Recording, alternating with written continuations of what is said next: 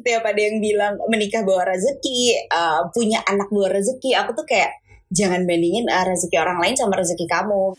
Jangan takut mundur daripada kamu terjebak di pernikahan yang salah seumur hidupmu gitu.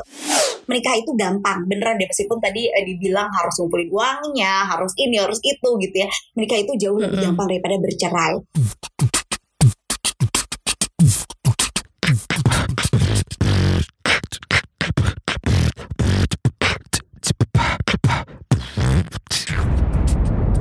Cuap-cuap cuan. Halo Sobat Cuan, selamat datang di podcast Cuap-Cuap Cuan khususnya di segmen interview bareng sama gue Maria Katarina. Dan seneng banget ya karena tidak terasa uh, bulan Ramadan sebentar lagi akan usai dan kita akan masuk ke Hari Raya Idul Fitri nih. Bagi sebagian besar orang Hari Raya Idul Fitri sesuatu yang paling menggembirakan karena kan akan bertemu dengan keluarga ya, sowan, ngobrol panjang lebar gitu ya.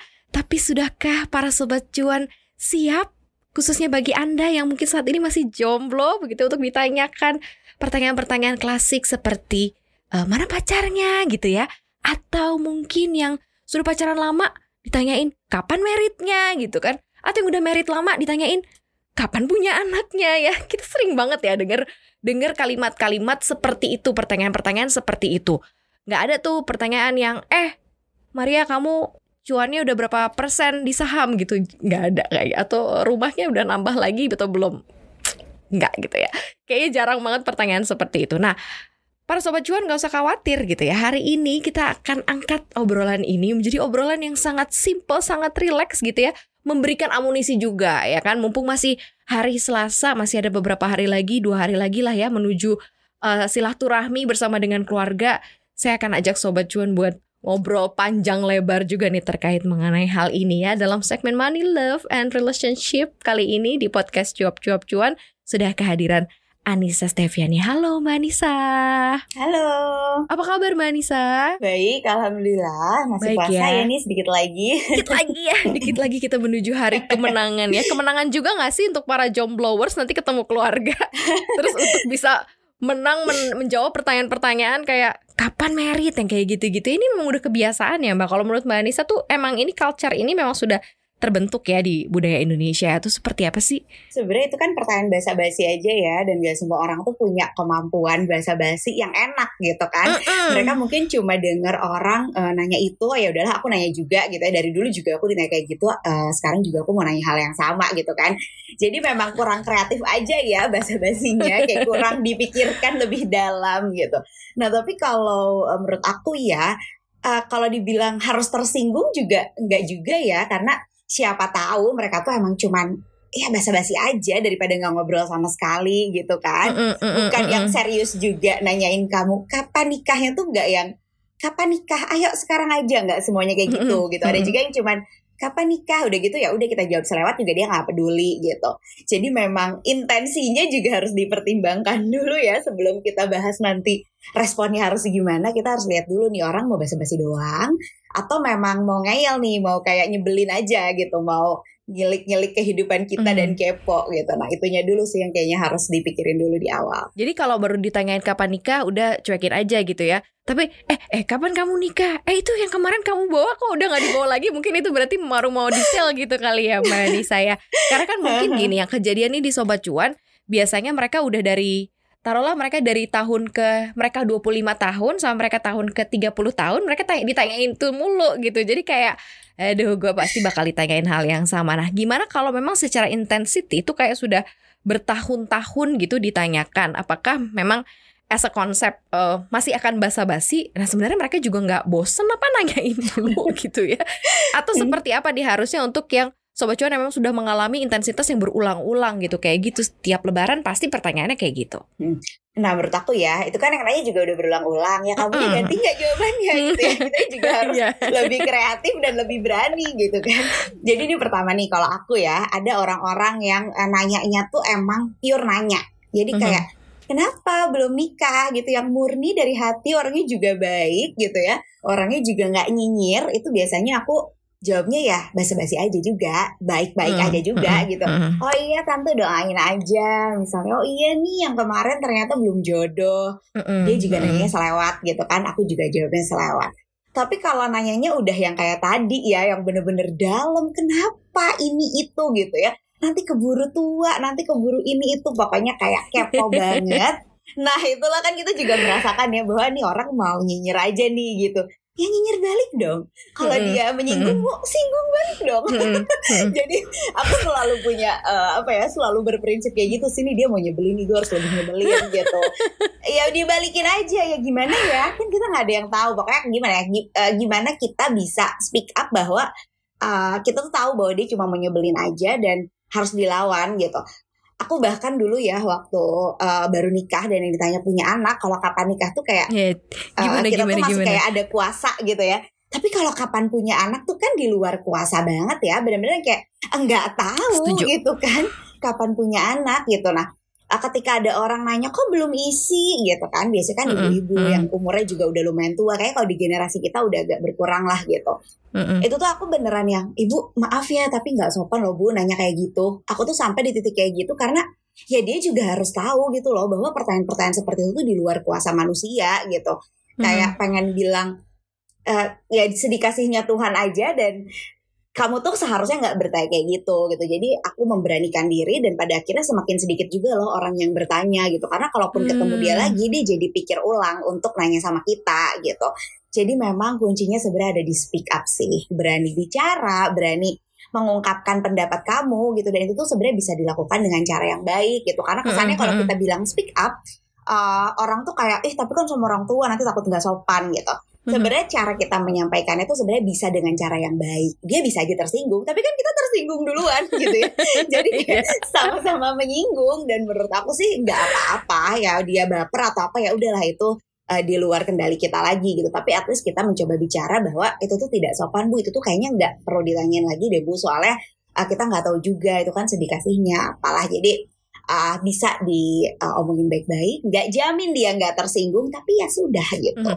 Eh, sebenarnya pertanyaan-pertanyaan yang seperti seperti itu tuh eh, muncul nggak sih? Misalnya akhirnya membuat eh, para sobat cuan gitu ya mungkin yang tadinya belum nikah terus jadi udah eh, menikah karena tekanan eksternal gitu. Jadi karena oh aduh tahun ini nih udah lebaran ke hari lebaran ke empat tahun kayaknya nih udah ditanya ini gue kapan nikah. Lebaran tahun kelima besok nih nggak nggak boleh nih gue jadi harus pokoknya gue harus nikah. Akhirnya muncullah bermunculan eh, keinginan untuk menikah atau keinginan untuk eh, pengen punya pacar gitu ya mungkin yang jomblo atau pengen ya setidaknya gue walaupun belum nikah tahun depan tapi setidaknya udah preparation lah udah persiapan. Karena tekanan eksternal. Nah di masa saat ini banyak nggak sih masih yang bermunculan seperti ini nih yang kalau menurut pengamatan? Karena kan merit mungkin kalau misalnya orang sebut kayak mana nih apa namanya pacarnya atau belum nikah? Padahal si individu itu mungkin ada persoalan pribadi. Misalnya contohnya belum ngumpul juga duitnya. Itu kan esensial banget kan untuk nikah gitu kan. Ini pernikahan tuh bukan persoalan kayak sehari dua hari gitu tapi kayak pernikahan bertahun-tahun yang tanggung jawabnya tuh akan berkesinambungan gitu ya. Nah, kayak gimana sih Mbak Nisa yang mungkin karena culture cuman basa-basi tadi itu tuh makanya justru menimbulkan banyak individu-individu yang memilih jalan ya udah daripada gue dapat pressure eksternal akhirnya udah deh gue nikah-nikah aja deh gitu Ya sebenarnya banyak sih yang kayak gitu. Jadi aku masih sering dengar cerita orang-orang yang pengen nikah itu bukan hanya dari keluarga tapi juga dari teman-teman. Jadi karena Hmm. si teman-teman ini sudah menikah nih satu tongkrongan semuanya udah nikah, mereka tuh jadi kayak ih terus lo kapan gitu kan? Basa-basi sebenarnya gitu. Cuman si orang yang ditanya kan jadi pressure ya. Jadi kayak oh iya kok aku left out gitu kan. Kok tinggal gue doang nih yang belum nikah. Nah hal-hal kayak gitu sih yang harus dipisahkan dari keinginan menikah itu sendiri. Jadi uh, sebelum nikah tuh tujuannya tuh apa sih mau nikah tuh untuk apa gitu. Nah ini aku punya 30 pertanyaan uh, sebelum menikah di blog yang udah banyak banget sebenarnya yang baca. oh Jadi banyak 30 jadi ya setiap 30 ada ya 30 banyak banget ya. Jadi topiknya tuh beragam dari keluarga, uang sampai hal-hal kecil kayak mengurus anak, mengurus rumah tangga itu tuh mendingan dibicarakan dari awal karena uh, nyari solusi itu lebih susah daripada berencana. Jadi mending kita ngerencanain dulu deh nanti nikah mau gimana, sama siapa, apakah Hmm, ada prinsip-prinsip yang memang uh, tidak sama atau tidak bisa dicari jalan tengahnya itu dibicarakan dulu gitu jangan sesederhana karena kamu ditanya-tanya terus kamu kayak berusaha dan menganggap kamu tuh bisa toleransi ngerti nggak? Jadi sebenarnya Mm-mm, kamu ada pacar Mm-mm. terus pacar kamu tuh nggak seprinsip-prinsip amat gitu ya. Terus kita merasa bahwa ah bisa deh nih kayaknya nih kalau nikah kita bisa lah gitu Mm-mm, diskusi dan jadi sepaham atas eh, hal-hal yang sebenarnya tuh udah nggak bisa dicari eh, jalan tengahnya gitu. Nah karena tekanan-tekanan inilah orang jadi ya udahlah nggak apa-apa nikah aja gitu dan yang sering aku ngomongin ya Nah, tentang dari 30 jodoh dari dari 30 itu deh Mbak Risa. Nah, dari 30 itu tuh yang paling esensial tuh yang mana nih? Yang biasanya menjadi pertimbangan awal orang ketika akhirnya dari dari basic dari pertanyaan tadi ya, pertanyaan kapan nikah segala macam untuk memutuskan akhirnya benar-benar oke nikah gitu. Ini apa nih yang harus benar-benar sobat cuan tahu nih dari 30 step itu yang udah Anissa bedah. sebenarnya tentang prinsip hidup sih, tentang bagaimana kita memandang hidup itu sih yang paling penting ya. Sesederhana misalnya, uh, aku boleh kerja nggak setelah nikah? Itu tuh satu pertanyaan yang kayak, ih simpel ya gitu kan.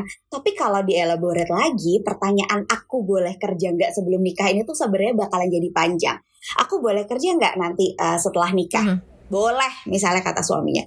Kita bisa tarik lagi loh, kalau misalnya gaji kamu udah cukup, aku tetap boleh kerja nggak? Karena banyak kejadiannya uh, dulu boleh kerja karena si suami ngerasa aduh uangnya nggak cukup nih kalau gue doang yang kerja gitu. Di titik dia merasa bisa menafkahi keluarga dia bilang udahlah kamu resign aja kamu di rumah aja urus anak gitu. Sementara si istri itu merasa kerja bukan demi uang gitu. Kerja demi aktualisasi diri demi juga pencapaian Mm-mm. diri gitu.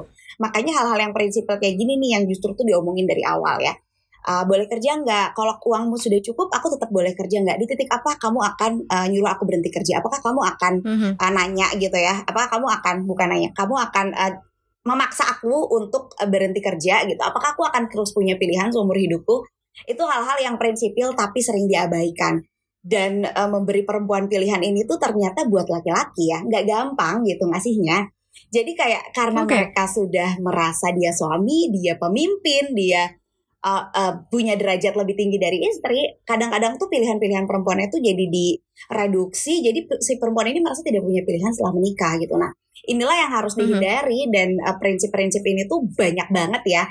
Apa sih yang menurut kamu penting dalam hidup? Itulah yang harus dibicarakan dan dibicarakannya tuh dalam jangan cuma nanya-nanya iseng doang gitu. Termasuk ini Mhm. sensitif tapi termasuk soal agama. Jadi uh, banyak orang yang agamanya tuh sama. Kan uh, orang bilangnya susah banget nikah beda agama gitu ya uh, banyak lah pasti tantangannya apa segala macam. Tapi sebenarnya menikah satu agama pun bisa jadi beda loh kalau kamu nggak uh, elaborate lebih dalam gitu. Sesederhana kamu Hmm. ngaji di mana, ustadznya siapa, pemahamannya dia siapa gitu ya. Bisa jadi itu sangat berbeda gitu. Jadi hal-hal yang penting buat kamu, prinsipil buat kamu itu dibicarakan dibicarakannya dalam. Tadi aku sempat mention juga nih soal jodoh nih yang aku tuh paling nggak serak ya Iya, sama iya, iya, budaya iya. orang Indonesia gitu ya. Tentang udah jodohnya gitu pada orang-orang yang menikah gitu. Sebenarnya konsep Nah, jodoh iya kan ini biasanya gitu. emang konsep jodoh ini tuh gimana sih gitu? Apakah hanya Ah, iya, karena iya, dia iya. menikah dia langsung berjodoh gitu? Apakah hanya karena dia kebetulan melamar? Oh udah jodohnya kita terima aja gitu. Lah ini yang ngelamar Mhm. juga belum tentu uh, satu prinsip hidup, belum tentu punya penghasilan tetap, Mhm. belum tentu apa ya layak dan uh, layak dan dewasa jadi suami gitu. Jadi berhentilah bilang udah jodohnya nikah aja gitu. Apa? Konsep jodoh apakah karena dia melamarmu gitu kan. Kan nggak cukup gitu. Eh, nikah itu nggak cukup cuma keberanian melamar doang gitu. Tapi gimana kamu menyamakan prinsip-prinsip hidup seumur hidup bertanggung jawab atas satu keluarga ini seumur hidup dan kalau ada anak tanggung jawabnya tuh lebih lama lagi lebih banyak lagi dan bebannya tuh pasti berbeda gitu. Jadi jangan sampai nikah karena oh iya ternyata ini jalanku sudah jodohnya gitu. Hanya karena dia berani ngelamar. Mhm. nggak gitu gitu Konsepnya kayak gitu gitu Iya. ya. Berarti kalau gitu uh, the right time untuk memutuskan menikah tuh kapan? Jadi kan kalau tadi kan udah di screening nih, apakah harus mencapai skor misalnya harusnya 100 nih skornya tapi ya kalau udah 65 atau 70 ya go ahead lah gitu. Iya. Atau misalnya memang ada hal-hal yang secara khusus misalkan kalau cuap-cuap cuan ini kan kalau di podcast kita pasti soal masalah keterbukaan uang, materi dan lain-lain ya. Apakah itu juga termasuk hal yang paling prinsipal? Karena kan kalau tadi tuh bisa misalnya kayak eh, nanti habis kerja udah eh, habis eh, eh, nikah boleh kerja nggak gitu. Nanti kalau misalnya ternyata nggak boleh, padahal nggak boleh Hmm. nih, udah resign. nanti pas ngumpul-ngumpul ditanyain lagi kenapa udah nggak kerja lagi gitu kan padahal nggak boleh kerja gitu Iya. sebenarnya gitu kan disuruh sama suaminya nggak boleh kerja nah serba salah lagi gitu kan nah ini kapan sih the right time-nya untuk memutuskan "Eh, oke deh kalau gitu ya udahlah gue merit gitu kalau istilahnya bukan hanya semata-mata bertemu jodoh ya tadi Vanessa bilang gimana nih mbak Iya, jadi setelah kamu bicarakan nih hal-hal itu ya banyak banget kan misalnya prinsip-prinsip hidup lah sesederhana nanti kalau punya anak kamu mau ikutan begadang gak malam-malam gitu. Banyak loh yang ternyata bilang yang dong itu kan tugas kamu gitu. Wah, kita harus ngomongin lagi nih tugas suami dan istri apa gitu. Nah, setelah dilihat eh, eh, pembicaraan itu ya, dulu aku waktu mau nikah sama suami, aku tuh bener-bener aku bikin kayak dalam tanda kutip wawancara calon suami. Aku mau nanya-nanya kamu lagi ya gitu. Karena kayak padahal kita pacaran tiga tahun bukan taruh juga tapi aku beneran mau tahu nih sebenarnya gimana sih dia menghadapi hidup gitu dan gimana uh, dia dibesarkan itu juga penting banget ya karena biasanya anak-anak yang dibesarkan oleh orang tua yang misalnya uh, ayahnya juga membantu pekerjaan rumah menganggap ibunya setara itu juga anaknya akan seperti itu gitu jadi gimana dia Mhm. dibesarkan juga penting nah setelah kamu lihat itu nanti akan kelihatan ini bisa gue toleran eh, bisa gue toleransi nggak ya hal-hal ini gitu ada hal-hal yang kayaknya oh ini bisa nih kayaknya ditolerir tapi ya ini kayaknya nggak bisa deh gitu Mhm. uh, pikirkan bahwa seumur hidup kamu harus mentoleransi hal itu gitu. Bisa jadi tuh nggak ada perubahan sama sekali karena Hmm, yang manusia nggak berubah gara-gara dia nikah sama kamu. Memang kamu siapa mengubah-ubah dia gitu ya. ya ya Kecuali memang dia mau berubah sendiri. Termasuk yang paling berat nih biasanya perkara mertua dan keluarga. Jadi uh, karena banyak nih ya orang-orang yang lebih uh, ke keluarganya istrinya tuh jadi nomor dua gitu ya. Jadi uh, yang penting ibunya deh ibunya mau salah pokoknya kita nurut deh sama mamaku gitu. Nggak mikirin nih bahwa si istrinya tuh mungkin lebih benar, mungkin punya pemikiran lain tuh nggak dipikirin. Nah hal kayak gitu yang dibicarakan dari awal gitu. Kalau sampai aku beda pendapat Mhm, sama mama kamu, mhm. kamu gimana gitu. Itu hal-hal yang seumur hidup akan kamu hadapi. Jadi mendingan pikirin dulu deh bisa nggak ya mentoleransi ini gitu. Dan Mhm. jangan ragu untuk mundur karena apa ya? Karena kamu mau menikah nggak menikah, eh, sudah menikah Oke. sudah tidak lagi menikah itu juga nggak ada hubungannya sama eh, keberhargaan kamu gitu. Jadi jangan sampai kamu mikir nggak apa-apa deh nih eh, gue turunin standar deh dikit yang penting nikah gitu. Itu kayak jangan ya karena sedih banget loh kalau kamu seumur hidup Tapi- harus tenggang rasa Uh-uh. sama orang satu rumah yaitu suami gitu. Nah itu tapi mbak, tapi kan tadi dibilang katanya menanyakan sesuatu hal yang dalam tanda kutip kan situasinya belum kita hadapi nih. Bisa ya kayak gitu. Misalnya kayak kalau aku tiba-tiba bersih tegang sama mama kamu gimana? gitu. Misalnya pertanyaan-pertanyaan yang sesuatu hal bisa eh, bisa ditanyakan sekarang. Padahal kan ini situasionalnya belum ada nih gitu kan. Belum belum kejadian gitu ya. Berarti itu lumayan termasuk eh, harus eh, di apa cara-cara pasangan kita nanti atau calon pasangan kita menjawab bisa menjadi salah satu pertimbangan juga berarti ya Iya terkait benar. mengenai nanti ketika it happen ketika benar-benar kejadian jadi udah ketahuan gitu ya tapi mungkin gak sih akan ada perubahan gitu Mungkin, nanti mungkin, kejadian mungkin. kejadian Mungkin ternyata banget. sesuai dengan statement awal loh Iya, gitu Iya, iya, iya. itu tuh mungkin banget. Jadi emang uh, ada juga temanku yang kayak gitu kayak dulu tuh dia bilangnya nggak gini gitu. Tapi kan Mm-mm. ya itulah manusia berencana Tuhan menentukan ya. Yang jelas rencana lo sekarang apa gitu. At least lo usaha dulu lah gitu. Nah hal-hal kayak gini tuh yang menurut aku, aku tuh tipe yang menganggap menikah itu adalah kita punya pasangan seumur hidup yang bisa diajak diskusi. Ada juga yang tidak menganggap demikian dan itu nggak apa-apa gitu. Nah uh, si Hmm. diskusinya ini nih akan kerasa uh, saat dijalani sebelum nikah gitu. Meskipun bucin banget gitu ya. Meskipun kayak jatuh cinta banget sama nih orang gitu ya. tapi jangan sampai tertutupi sama hal-hal itu dan dilihat nih sebenarnya uh, oke nggak sih gitu. Sebenarnya aku mau nikah tuh hanya karena apa gitu? Faktor apa sih yang paling bikin aku pengen nikah sama dia gitu nggak sesederhana Mm-mm. karena ya udah pokoknya aku jatuh cinta dan aku berjodoh malah kita menikah aja kan nggak sesederhana itu gitu dari zaman aku ya aku udah nikah 7 tahun hampir 8 tahun sampai sekarang itu tuh banyak banget yang kayak mengabaikan hal-hal yang prinsipil dan balik ke ya bucin aja gitu ya jatuh cinta aja lalu menganggap berjodoh segala macam jadi Mhm. ya jangan Mhm. kayak gitulah jangan kayak gitu nikah itu repot nikah itu seumur hidup kamu akan ngobrol sama orang yang sama dan kalau kamu nggak satu pandangan hidup ngobrolnya tuh nggak bakal seru. Kamu ngobrol sama siapa lagi? Coba kalau bukan sama suami kamu ya. Gibah-gibah teman kantor kan paling aman kalau ngomongnya sama suami ya kan? Hal-hal yang kita nggak bisa omongin ke orang tuh kita ngomong Iya, sama iya, suami iya. aja. Dia 10 menit juga lupa soalnya jadi dia nggak akan gibahin lagi ke orang.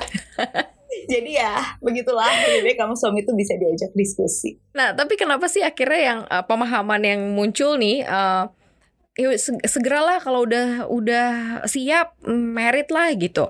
Terus atau enggak ngapain sih nunda-nunda punya anak? gitu kan. Karena kan itu kayak udah rezeki gitu. Jadi semua tuh kayak dikaitin sama uh, dunia percuanan gitu. Jadi kayak kayak istilahnya kalau di pasar saham nih kalau misalnya sudah beli saham yang saham fundamentalnya bagus pasti nanti akan membawa cuan gitu kan.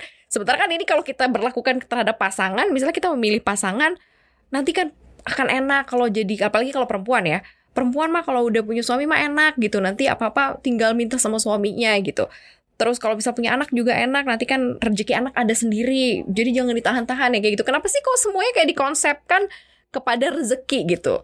Apa pun rezeki gitu. Pokoknya kalau punya suami atau punya pasangan itu murah rezeki punya anak juga sama murah rezeki apa begitu nih kalau di perencanaan keuangan ya? Salah satunya ada apa begitu nih mbak Anissa?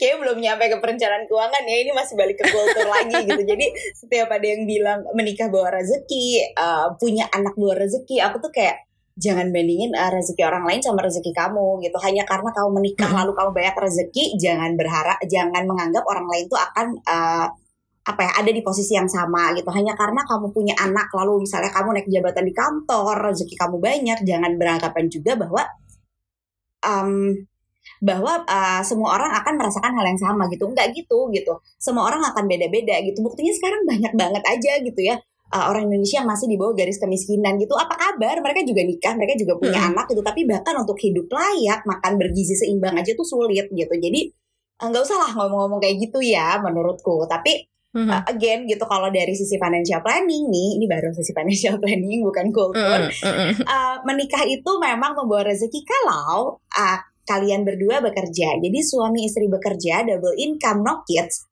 itu adalah uh, fase keuangan di mana kamu tuh bisa nabung sebanyak-banyaknya gitu. Karena kalian berdua bekerja, rumahnya satu, dapurnya satu, mana pun baru nikah, honeymoon period, masak-masak bareng mm -hmm. gitu ya. Mm -hmm. Masih kayak, mm -hmm. ih gebes-gebes kita baru nikah gitu kan. Itu tuh uh, bikin ngirit banget, jadi memang yang ditabung tuh bisa jadi banyak. Lain cerita ketika kamu hamil, ketika kamu punya anak. Nah sekarang mulai pikirin deh, yang kerja dua, yang dibiayai tiga ya kan kalau pakai mm-hmm. hitungan ya bukan pakai hitungan rezeki lah gitu ya kalau pakai hitungan manusia itu tuh nggak masuk gitu karena ya otomatis ada pos-pos yang jadi hilang gitu. Ketika orang bilang enggak kok pas uh, anak rezekinya hmm. banyak aja, ya antara kamu kerja lebih keras atau memang ya ada jalan-jalan yang jadi dilancarkan karena kamu juga niatnya baik gitu kan, membesarkan ini anak sebaik hmm. mungkin gitu. Jadi uh, ketika kamu punya anak kedua, otomatis pasti goyang lagi nih gitu, melahirkan, melahirkan anak kedua itu tuh bikin keuangan tuh akan hmm. berbeda karena ada pos-pos baru yang keluar gitu. Sementara namanya uang, kalau udah kurang ya nggak ada cara lain selain kamu kurangi pengeluarannya, tambah penghasilannya. Jadi kalau memang uangnya udah nggak cukup ya yes. ya tambah kerjaannya gitu kan, nggak ada cara lain lagi sebenarnya. Jadi kalau orang bilang ada rezekinya, ada rezekinya, ya kamu punya rencana nggak untuk rezekinya gitu? Kamu mau kerja nggak gitu? Kamu bersedia nggak -hmm. kerja lebih keras gitu? Karena anak-anak ini tuh harus dibiayai. Ya dan karena ngomongin anak nih ya sekalian, orang tuh sering bilang ngebiayain tuh seolah hanya sekolah. Jadi kayak emang lo mau nyekolahin anak gue gitu kan? Seolah biayanya tuh hanya sekolah yang dengan mudah dibantah ya sekolah kan bisa pilih gitu. Yang gratis juga ada. Jangan yang aneh-aneh lainnya itu gitu.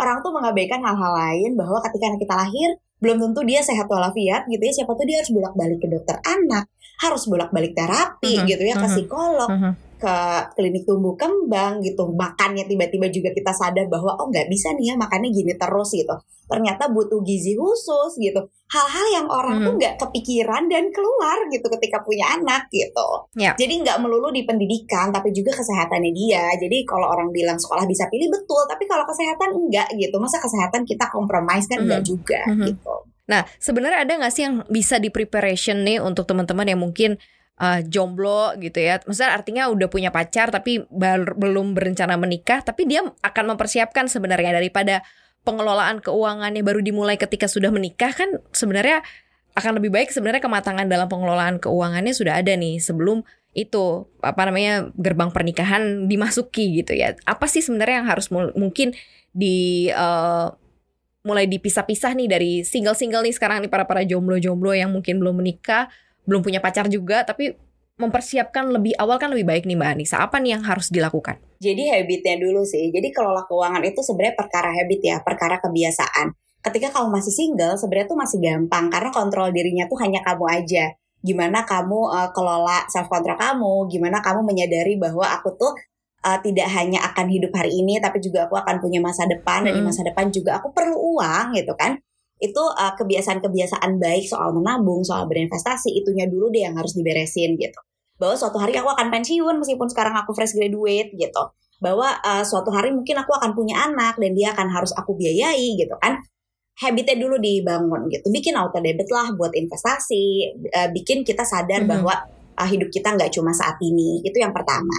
Yang kedua adalah bicara sama pacar kamu tentang uang. Jadi jangan sampai nggak ngomong ya uang ini tuh krusial banget loh malah kalau di Indonesia tuh perceraian tuh paling banyak karena masalah ekonomi jadi uh, tiba-tiba hmm. ya suaminya nggak kerja lah, ya suaminya judi lah gitu ya, ngabis-ngabisin uang istrinya gitu, itu kan masalah ekonomi. Jadi memang uang itu sejak awal tuh harus benar-benar dibicarakan.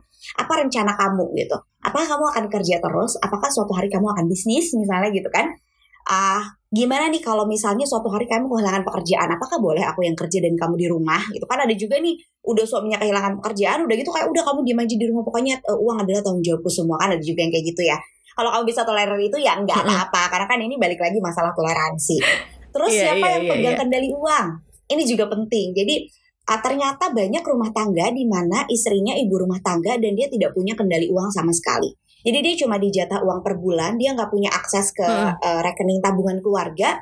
Ini tuh hal kayak gini tuh dikhawatirkan ketika terjadi kondisi darurat pada suami si istri tuh nggak punya gitu nggak punya pegangan uang sama sekali karena selama ini tuh bener-bener dijatah. Jadi mendingan ditanya nanti kendali yeah. uang akan gimana? Yang berinvestasi siapa? Kamu sukanya investasi kayak apa? Jadi uh, ditanyanya tuh sampai detail karena harusnya bisa jawab ya um, kelihatan hmm. gitulah uh, dia tuh intensinya ke mana gitu Terus gimana dengan tabungan kita? Mau masing-masing atau pisah? Karena ada juga nih orang-orang hmm. yang memisahkan gaji dengan alasan sandwich generation. Misalnya si istri membiayai keluarga orang tuanya dia, si suami hmm. membiayai keluarga dan orang tuanya dia gitu ada orang-orang yang kita nggak share deh ya gaji kita buat apa gitu karena khawatir baper nih kok kamu bisa sih ngasih lebih gede ke orang tuamu orang tuamu sementara gajiku segini aku nggak bisa mm -hmm. kasih lebih besar gitu jadi kita pisah aja nih um, perkara gaji pokoknya aku nggak perlu tahu deh kamu dapat berapa yang jelas kita bicarakan nih tujuan-tujuan keluarga terutama yang menyangkut anak jadi kayak dana pendidikan anak siapa yang nabung kamu apa aku gitu